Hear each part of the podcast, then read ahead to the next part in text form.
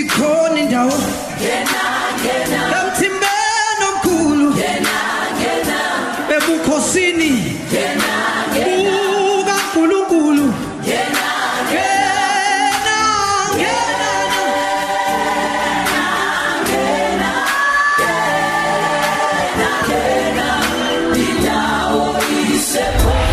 uNkulunkulu nomuntu omusha. Nokwesimoto makushadwa kuyathandazwa makufiwe kuyathandazwa makugulwa kuyathandazwa makujatshulwe kuyathandazwa makudliwa kuyathandazwa makuzolala kuyathandazwa umthandazo ujack of all trades and master of all uNkulunkulu nomuntu omusha nokwesimoto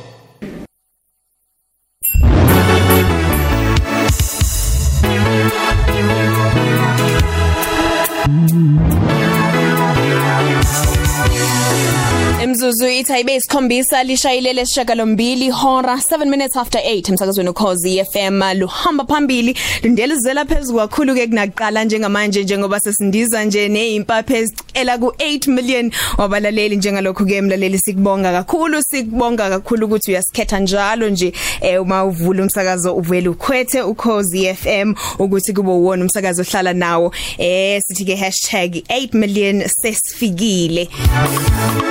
Sibonga uNkulunkulu ke futhi nalo ngalo leli thubo lokuthi sibe umndeni sonke nathi sibancane sifike sihlale kulezi ihlalo sihleli kuzona ezakade zihlalo hawo bakade inkonde ezazihlala kulesi sihlalo ayingqalabutho ezaqala lesi lesi slot soNkulunkulu nomuntu omusha. Kodwa nathi siyafika sikwazi ukuthi siphonse itshe sivivaneni sikhulisane ngokomoya nawe umlaleli ukhozi FM kakhulukazi kubantu abasha njengoba lolu hlelo ke lithi uNkulunkulu nomuntu omusha. Siyazi ukuthi kodwa ke kukhona nalabo abasebasha ngenhliziyo abahlala nathi nje njalo ngamasonto 8 kuya ku9 igama lami uboniswa ke wakwamoto Ngibamba ke intambo lapha ya kumama uMamkhize Thokozani okondlovu kade hlezi nawe ekunikeza umculo omnandi wejazz. Ubeke futhi wafika wathi ngithatha ungibeke mina ke ngingena nje sibheke lapha ya emidlalweni we World Cup uh, qualifiers we bafana bafana bhekene neGhana ezobeke ingo 9 o'clock. Kodwa thina sizokuthatha nje ke sikubeke abese siyokwethula ezandleni zoza kwethu bezemidlalo. Eh kuningi ke futhi engikuphathele kona namhlanje. Noma nje singazukwazi ukuthi siyithole intshumayelo yethu kodwa sizoqhubeka nengxoxo esayiqala ngesonto ledlulu zoyikhumbula ingxoxo ingxoxo yethu ebaleke kakhulu ukuthi sibe nayo sabantu abasha. Ingxoxo ekhuluma la ngentando kaNkuluNkulu ukuthi mangaba sithi mayenziwe intando kaNkuluNkulu empilweni zethu sishukuthini siyakwazi yini futhi ukuthi sikwamukele lokho uma ngaba sokwenzeka? Kodwa uyazi ukuthi njalo nje lolu hlelo asiliqali njengezinye inhlelo siyasiliqala ngokuthi sithole umkhuleko ukusikhuphulele entabeni ukuthi ukuthi lokho sikuzwayo kuhlelo eh kukwazi ukuthi kuthole indawo enhlizweni zethu. Namhlanje ke njengalokhu ke sibungaza lengqophamlando ka8 million sumsakazo ukhozi FM ngithe angeke nginike ithuba kubaba wethu obaba Reverend Hawumbatha. Kube uyena ozosivulela uhlelo ngomkhuleko namhlanje futhi khona indaba ezinhle kasiphathele zona eh, indaba ezinkonzo zobila lapha emandeni ngesonto elizayo. Baba Umbatha sikubingelele. Ngiyakubingelela umsakazi kanye nabalaleli bokuhlela uNkulunkulu nomuntu omusha phinathi lapho umsakazo wakho ufika khona. Mm yebo baba. Yebo umsakazi ngithemba ukuthi siyatholana manje. Sitholana kahle baba Yebo sitholana kahle. Sasingacela nje ukuthi ubaba sivulele ngomkhuleko ngaphambi kokuthi siqhubeke nengxoxo yethu. Baba wethu omuhle siyakubonga namuhla kusihla sibonga nkosi ukuthi uNkulunkulu wekhathi zonke nokuthi wena uNkulunkulu nomusa nonamandla okwazi ukuqhubekisela phambili lo msakazo ukuba uqhubeke ukhonza abalaleli abakhetha ukulalela ngolimi lwesiZulu. Kusithanda ukubonga kakhulu ngokuthi uqhubekisele phambili abalaleli balomsakazo baze bafike ku8 million. Siyazi inkosi ukuthi akusisona isibalo esikhulu kodwa okukhulu uyikuba basizakale ezihluphekweni zabo basizakale empilweni yabo basizakale bakhele esizukulwaneni abaphila kuso. Yakhuleka baba ukuthi njengalokho wagcina abanye ababekhona ngaphambili ugcine abaphathi besiteshi ugcina abasakazi. Izenkosi ubusise bonke izinhlelo ezehlukeneyo abazisakazayo. Baba sikhulekela izwe lakithi elilalela lumsakazo kuba ibusiseke likhulu lisizakale ithuthuke ngenxa yawo. Siyabonga baba ukuthi uzosenzela lokhu uKristu Jesu inkosi yethu. Amen. Amen. Amen. Siyabonga kakhulu Mthiya. Eh sikudonsa nje namhlanje kusuku elikhulu emsakazweni ukhozi FM kodwa nani siyabona lapha ukuthi umsebenzi kaNkuluNkulu uyaqhubeka. Ngesonto elizayo ngomgqibelo nizobe nilapha ya emandeni. Eh nasi siqubulo esibalekile ukuthi ngaphandle kwakho Jesu singesindiswi. Eh singesindiswe kwenzakalana emandeni ngasikhatsini baba emangaba nje ungakuthayisela umlalelo ukhozi FM. Ngiyabonga kakhulu dadewethu ngomgqibelo ngo9 ekseni ehholo eh, leli likhulu elisesibusisiwe elibizwa ngokuthi usesibusisiwe lisemandeni eh ngaphambili nje kwesango lasesumbumbili sizobe sihlangene khona sinenkonzo lapho sizobe sithi khona ngaphandle kwakho Jesu sineze sasindiswa le nkonzo umsakazi eh isungulwe abefundisi esasisebenza nabo nenkathi sishayela lolu hlelo oluphethe. Abanye amazwi umsakazi inkonzo yakho nabalaleli bakho bakaNkuluNkulu nomuntu omusha. Esiyobe siyiqhuba emandeni ngomgqibelo aka 20 eh esibusisiwe hall. Cela ke ukuthi abalaleli bethu nabalandeli balomsakazo baphelele bafike khona. Ezinhlelo ezifaneleyo ukuthi ungephuli imithetho le emaqondana nokhuvethe ukuba yonke into ihambe ngokomthetho. Cela ukuba abazalwane basikhulekele futhi bakhulekela abefundisi abazobe behola lenkonzo bakhulekela amakhwaya azobecula kule nkonzo bakhulekele izinkinga zezwe lakithi bakhulekele intuthuko nokusizakala komphakathi usizwa ngomasipala. Siyabonga ke dadewethu ukuthi uNkulunkulu sethembisa ukusilalela nakulokho njengoba asilalela nangaphambili futhi nanjengoba esawusilalela nangokuzayo Siyabonga kakhulu siyabonga baba sifisa ngathi nje konke ngahamba kahle. Engathi ngathola ke nalozo intshumayelo bakithi sikwazi ukuthi nathi sizithole singakwazanga ukuthi sifike emandeni. Siyabonga kakhulu baba. Siyabonga kakhulu umsakazi kakhulu ngethuba osithe lona. Ayihlanganeke ngo9 ekseni emandeni esibusiwe hall. Kaphandle kwakho Jesu singesindiswe siyabonga kuyena ke ubaba uReverend Hawumbatha loyo kade sikhuluma naye namhlanje sivulela uhlelo uNkulunkulu nomuntu omusha ngomkhuleko namhlanje kodwa futhi ekumema lapha ya enkonzweni ezobe ingomgqibelo lo ozayo. Ushilo ke wathi ngo9 o'clock esibusisiwe hall emandeni inkonzo enkulu ke kakhulu leyo ungaphuthelwa uNkulunkulu nomuntu omusha Izolo bengisesontweni esheshi izinto engiyifice khona ziyamangalisa. Ngifice ibandla lisho lonke ngokuvumelana lithi uKristu inkosi uyabusa. Ngifice ibandla lihuba ngethemba lithi sibheke ukuvuka kwabafileyo nokuphila kwesikhathi esizayo. Ngifice abantu abasha bevumelana bethi umuntu omuhle kuKristu uyaphila. Bebethi umuntu omuhle kuKristu uyaphila noma abanye befa. Umuntu omuhle kuKristu uyaphila ngoba uKristu ubuyisela ubusha bakhe njengokhozi. Umuntu omuhle kuKristu uyaphila ngoba uKristu yena uyisinkwa sokuphila. Umuntu omushe kuKristu uyaphila noma sebethe thina sisizukulwane esifile kodwa umuntu omushe kuKristu uyaphila. uNkulunkulu nomuntu omusha. Lokwesa moto.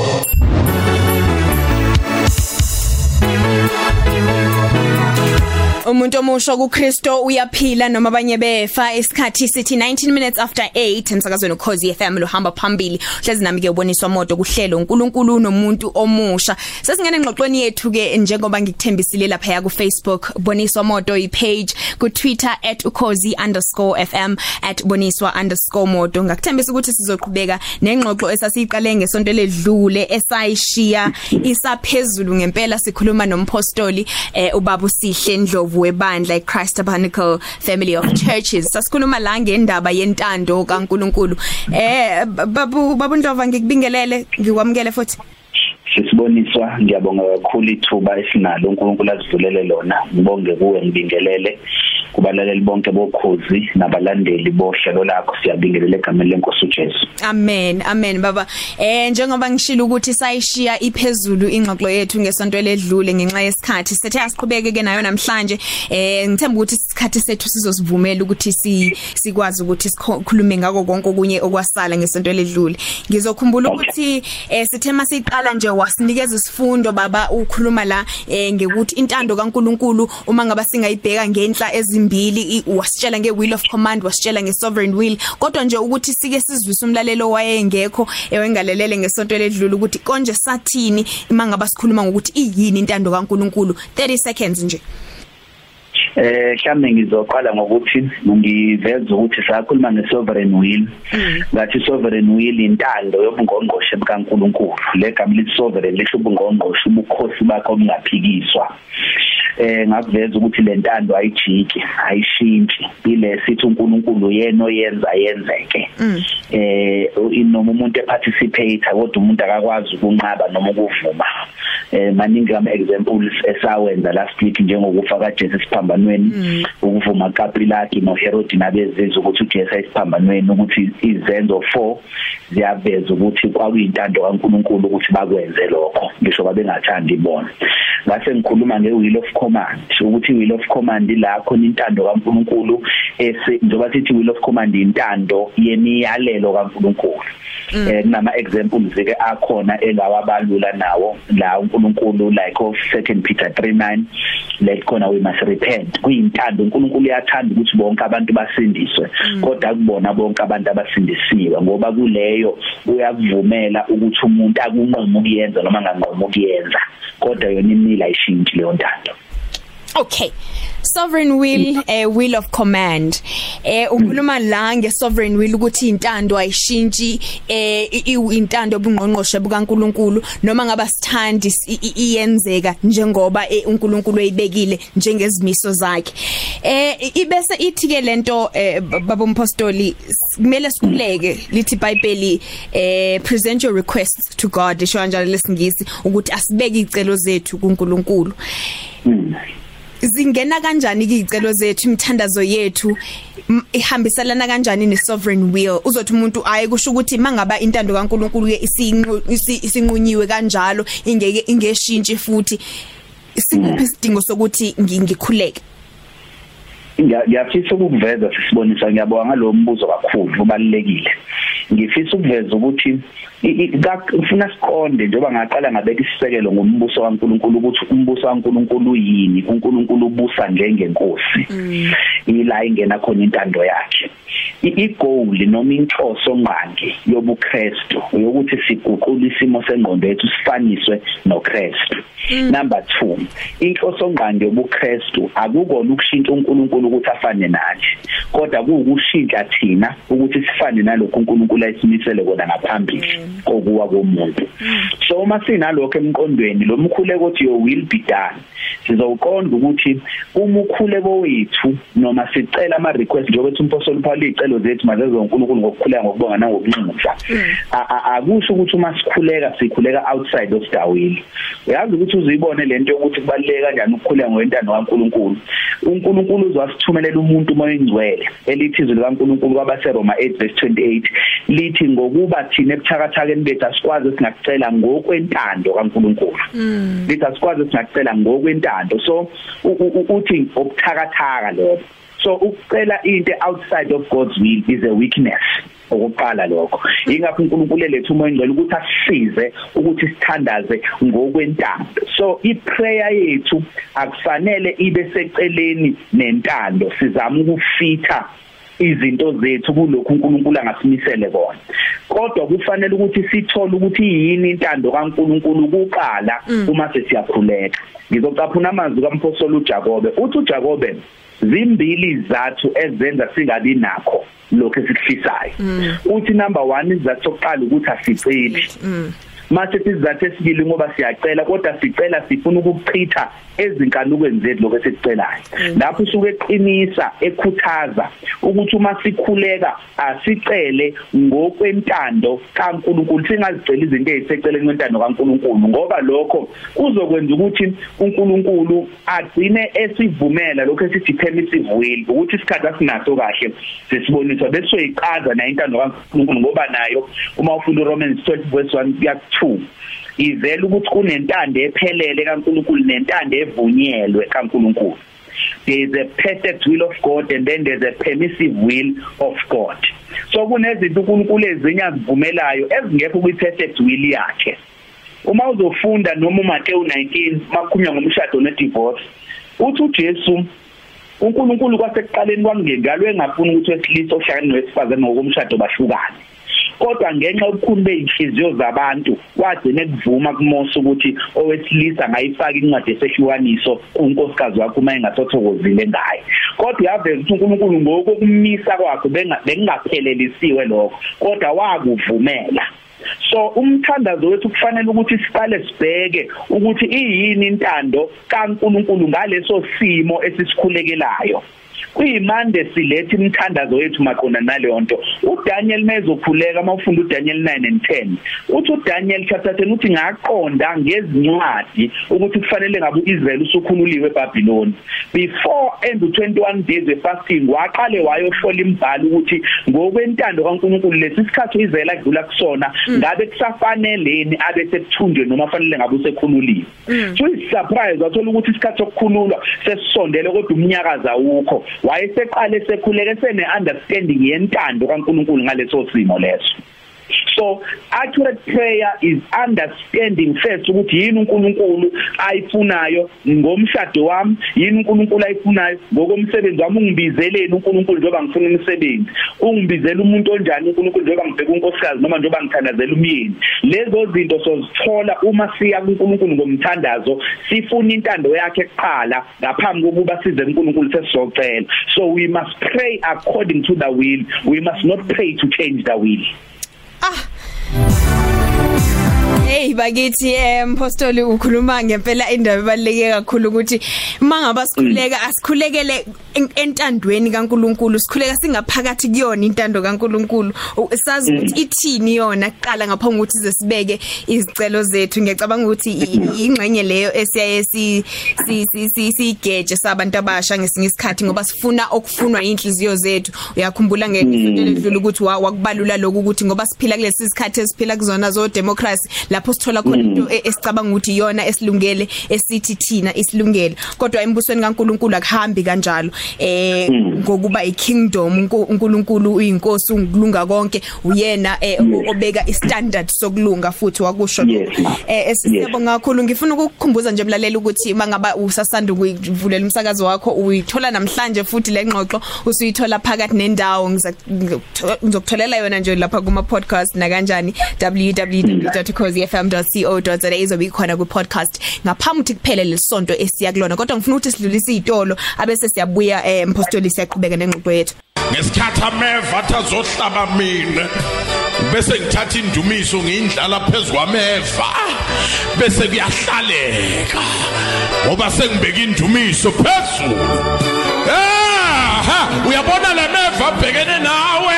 Thatha umthandazo ubeke phezulu kwalameva kuyahlaleka kuyahambeka kuyahambeka uNkulunkulu nomuntu omusha Nokwesomoto.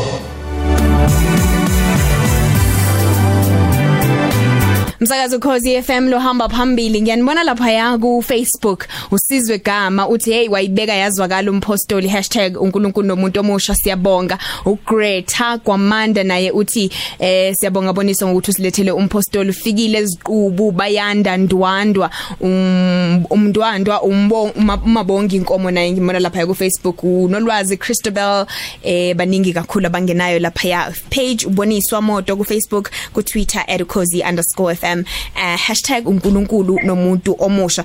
Eh mpostoli ngaphambi kokuthi si ezitolo ubusachaza la ukuthi kubaleke kangakanani ukuthi sithi masikhuleka siqinisekise ukuthi ngo- ngokuholo moya engcwele ngokusiza moya engcwele sikhuleka sikhuleka sike entandweni kaNkuluNkulu. Eh futhi sikhulekela ukuthi intando kaNkuluNkulu iqhubeke izibonakalise ezimpilweni zethu ukuthi konke sifuna ukwenza imisebenzi siyenzayo ibe ukuthi isendleleni nentando kaNkuluNkulu. Eh eyasizisa la emhlabeni. Engicabanga ukuthi iphuzo elibaleke kakhulu elize lithinte le ndaba yokuthi isabantu abasha ngesinye isikhathi senza umsebenzi nje ngoba sithi hayi ila ngizothola khona imali. Kanti kubalekile ukuthi wazi ukuthi uNkulunkulu ukudale intando yakhe ithi izokwenzani wena la emhlabeni? Ama talent akunikeze wona nezipha akunikeze zona zi- zi- zithini ngawe? Eh, ne- ne- ne- neqhazo kumele ngabe uyalibamba. Eh, ngicabanga ukuthi ngifuna ukuthi si- si- sikhulume kodwa le ye uthe i permissive uh, will. Mhlawumbe nje ungadlula kuyona ukuthi usicacisele kancane ngoba ngiyabona ukuthi engathi bayafuna ukuyizwa ukuthi ithini leyo ngoba mhlawumbe ithi uma ngaba ngifika sengikhuleka ngikhala inyembezi kuNkulunkulu uzoshintsha isimo e- e- ekade ethe isimo esinje. Mhlawumbe awuzuthola umsebenzi uzoqala ibhizinisi. Kodwa mina mase ngifika ngikhala inyembezi ngithi ngifuna umsebenzi uzogcina ishintshile intando yakhe athi okay ke nanga umsebenzi. Ngabe kusho lokho ukuthi kukhona ne permissive will? Ngiyafisa ukusho ukuthi i- i- i- i-permissive will eh, ngiyabonga ukuthi singene kuyona sisibonisa because baningi abantu namhlanje abaseyindaweni ababeqina bempintshi ukuyakuzona ngemthandazo. Kodwa bezwa enhlizweni yabo ukuthi uNkulunkulu akuyona intando yakhe phela ukuthi bayekuzona nevertheless ngokushisekela nokuthanda kwabo bagcina beyile khona. Namhlanje bahlele endaweni abangathandi kuzona abanye basemsebenzini abangayithandi. Abanye baseyindaweni engeke ngize ngizibalule ngamagama bayazazi abalaleli abangene kuzona ngenxa yalokho. I-permissive will mhlambe ngi- ngi- ngizofisa ukuquota ukucasiphuna inda indatshane lapha kuNumeri uNumeri 19 uzothola indaba eh kamprofeti lo baba igama lakhe bethiwa uBalaam wafika abantu bethunywe inkosi uBalak ukuthi bambize ukuze akhokhelwe aqalekise isizwe sikaNkuluNkulu Israel lithi iBhayibheli lo baba wathi abalindi uzoya uNkulunkulu ayobuza. Wabuza uNkulunkulu ukuthi ngiye yini? Wathi uNkulunkulu cha. Lapho sithola intando ephelele kaNkulunkulu ukuthi bekungayona inhloso kaNkulunkulu ukuthi aye. Kodwa bathe uma bemqina inkosi uBalaki izimthembisa ingcenye yombuso wayo. Lithi iBhayibheli lo baba wagcina eqina uNkulunkulu efuna ukuyo uNkulunkulu wagcina emvumelile ukuthi aye. Ukhumbula ukuthi ubengafuni uNkulunkulu ukuthi aye yilo waziwavinzwa ingelosi endleleni kwaze kwakhuluma imbongolo ikuveza ukuthi intando kaNkulunkulu akusiyona ukuthi aye. Kodwa wafohla ngenxa yengceba yethenjiswe yona. Lapho siyazi ukuthi kwase kwenzakalani wethu uyaqalekisa kungaqalekiseki. So uNkulunkulu kwezinye izikhathi ngoba kayena uNkulunkulu ufuna ukusifohla ikakhulukazi kule ntando engithe icommand iwill of command.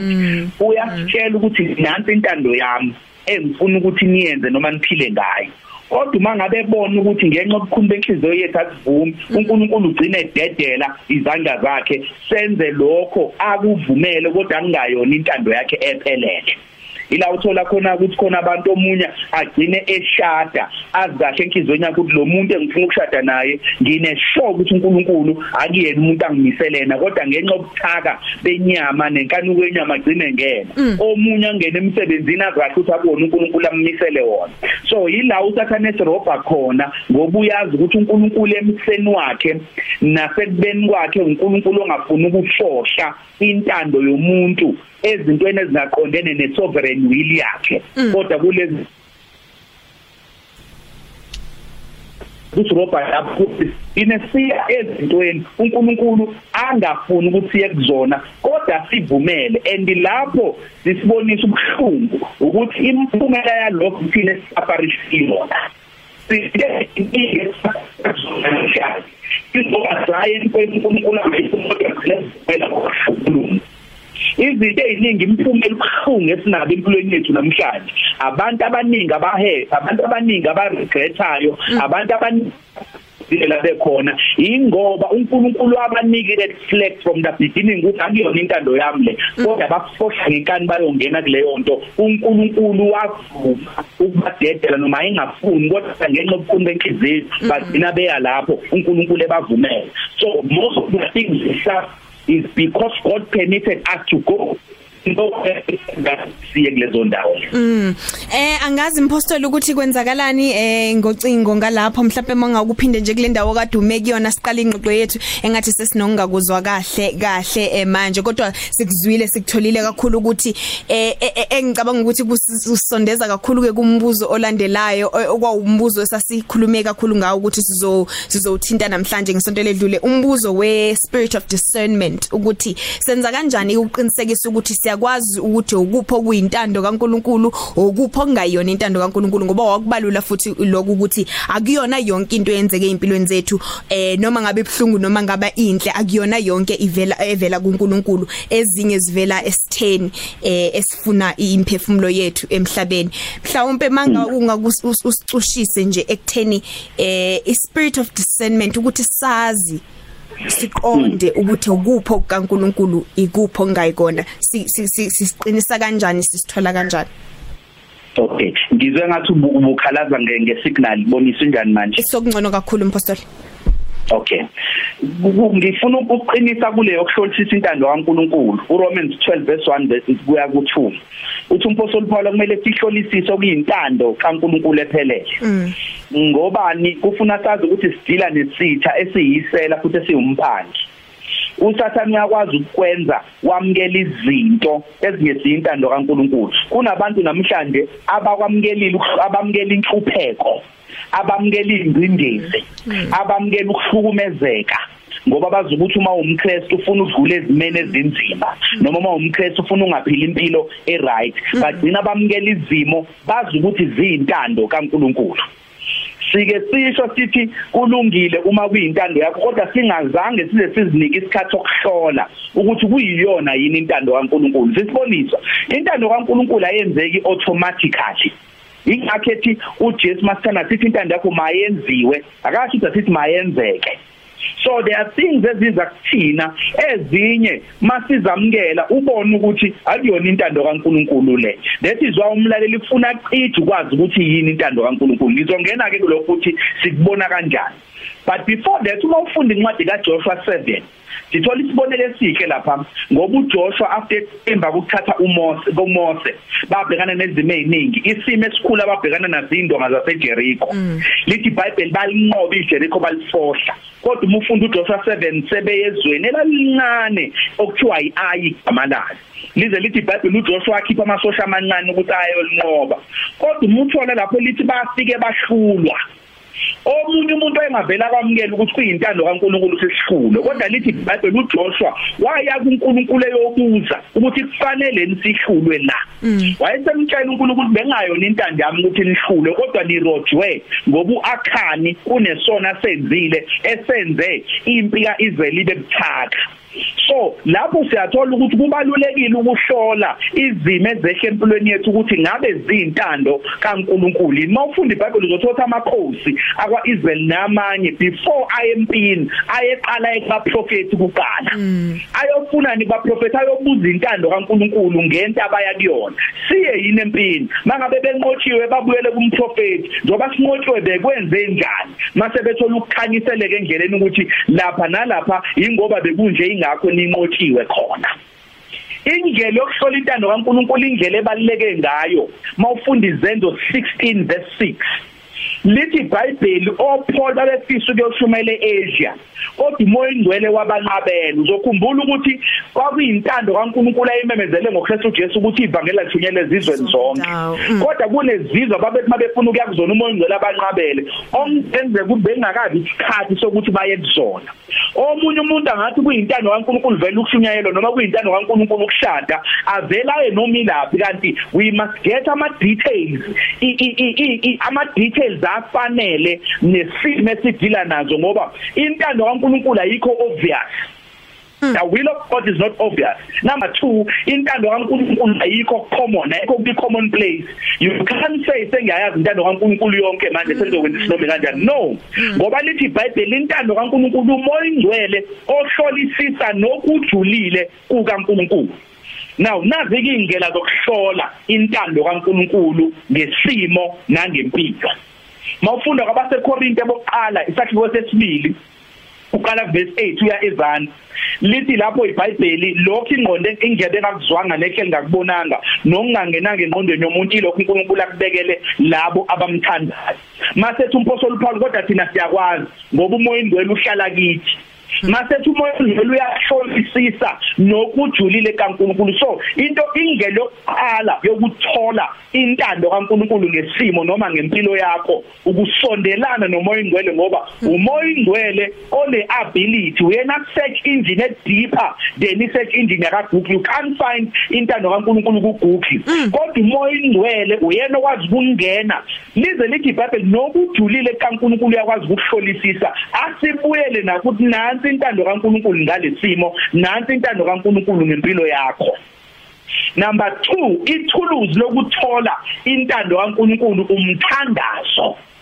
Ngeke sikwazi ukusenkizweni kaNkuluNkulu uma ngabe singakhulumi noNkulunkulu. Oh lesisizukulwane ke sethu isizukulwane esifisa izinto zize kalula. Kanti intando kaNkulunkulu njengoba ngishilo ukuthi ayikho obvious number 2 ayikho kwi common place. Number 3 ngeke ngibone umhlobo wami enzinto mase nami ngiyayenza ngizitshela ukuthi intando kaNkulunkulu. Okuyintando kaNkulunkulu ngoboniswa ungangabi intando kaNkulunkulu ngomdlovu. Ngisho ngabe siyazana kodwa intando kaNkuluNkulu is specifically defined for each person and individual. Amen. So asikwazi ukuya ngobuhlobo nangomndeni nangane entandweni ngoba uNkulunkulu unentando ehlukene for each person. So indlela ewubest yokuthola iprayer. But lastly and importantly most important indlela yokwazi intando kaNkulunkulu ukulalela lokho asekukhulumile ezwini lakhe iBhayibheli. Ukufunda inhliziyo kaNkuluNkulu nokuphefumula kaNkuluNkulu okugcwele ezwini lakhe eBhayibhelini likaNkuluNkulu. So the more we read the more sifunda izwi lenkosi lasithola khona ukuthi nansi intando kaNkuluNkulu. Mhlambe ngingaxwayisa ukuthi singayiqageli intando kaNkuluNkulu never ever do into ungazange uyithola intando kaNkuluNkulu ukuthi yini ngayo. Ngoba imiphumela yalapho iba mimbi. Ngisho ungakwenza manje imiphumela ngenze kwiSafari chapter 10 years ngenze kwiSafari chapter 15 years. Akekho umuntu oke warobha intando kaNkuluNkulu waphunyuka ekugcineni.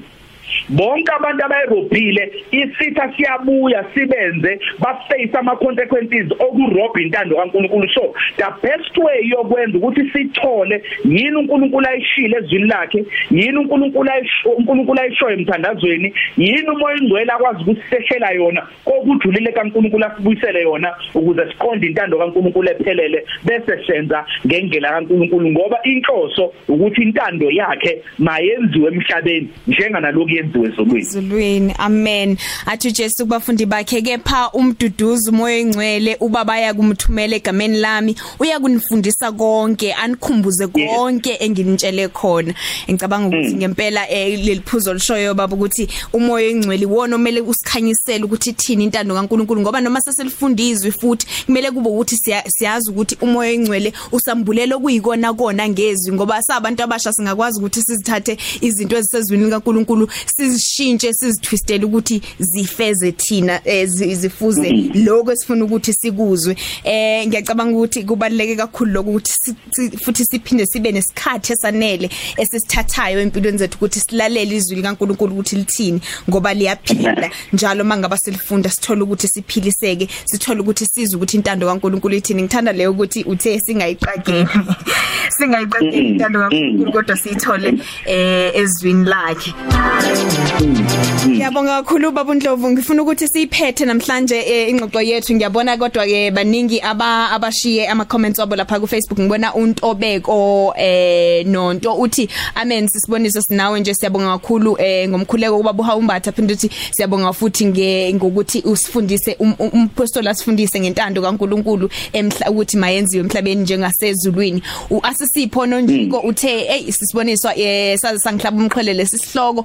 Uthi the will of God is not always glamorous. One needs to know ukuthi eh to know but it is profitable best and it is worth it. Eh ngiyacabanga ukuthi kukhuluma futhi ngale ukuthi uthe eh ayilula intando kaNkuluNkulu futhi ayikho common kumele kube ukuthi siyayiqonda ukuthi izohluka kumuntu nomuntu. Singacula kwi worship team eyodwa. Eh sikhuleke sikhonze bandleni elilodwa kodwa intando kaNkuluNkulu okomunye nomunye izohluka. Ababondlovu ngifuna ukuthi mhlawumbe siphethe elakho nje lokugcina ngiyafuna futhi ukumthembisa umuntu omusha ukuthi mhlasimpe mangabe uNkulunkulu nje sigcinile mhlawumbe e- emasontweni okuqala wonyaka ka2022 ngoba ilapho futhi kubuye kube khona indaba zokuthi isikhathi sikaNkuluNkulu nesikhathi sami mina ngifuna ukwenza lokho ngalonyaka eh ngifuna ukuthi kuhambe kanjena mangaba kuphela lonyaka ngifuna ukuthi ngibe sengithole u1 no 2 no 3 kanti intando kaNkuluNkulu nesikhathi sikaNkuluNkulu sihlukile futhi kunalowo macebo eh, namaplan esike siwenza. Mhlawumbe siyophinde sibe naso futhi eh, eh, eh, enye session ngonyaka olandelayo eh, kule kulamasonto nje ezayo. Baba kodwa okwanamhlanje nje uma ngaba singaphetha. Amen. Ng- ngiyacela u- ukuthi ngigqugquzele bonke abantu abangilalele njengamanje ukuthi lesi isikhathi la khona kuf- we cannot afford asakwazi uku-afforda ukugega intando kaNkuluNkulu anymore.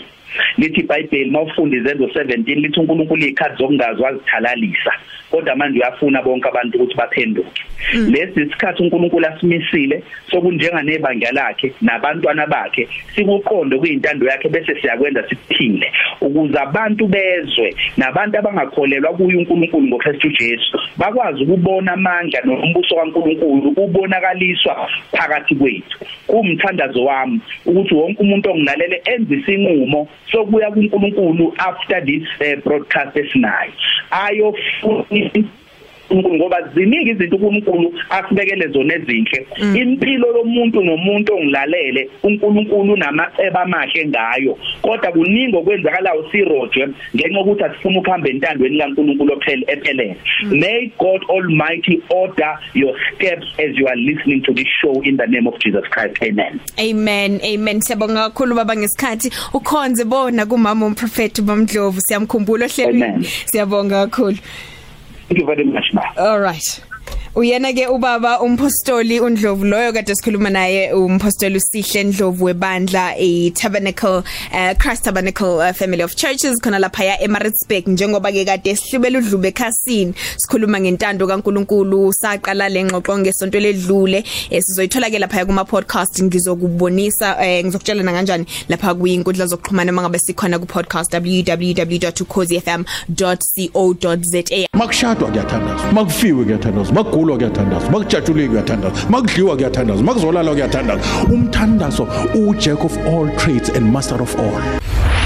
uNkulunkulu nomuntu omusha. Lokwesomoto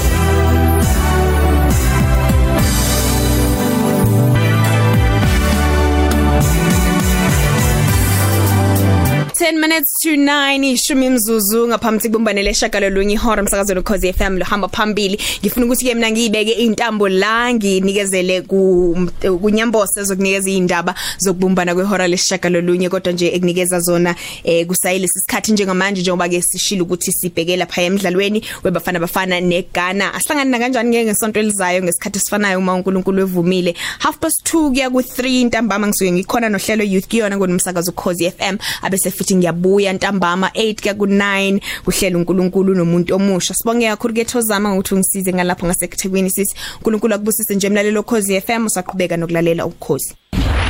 uNkulunkulu nomuntu omusha. Lokwesomoto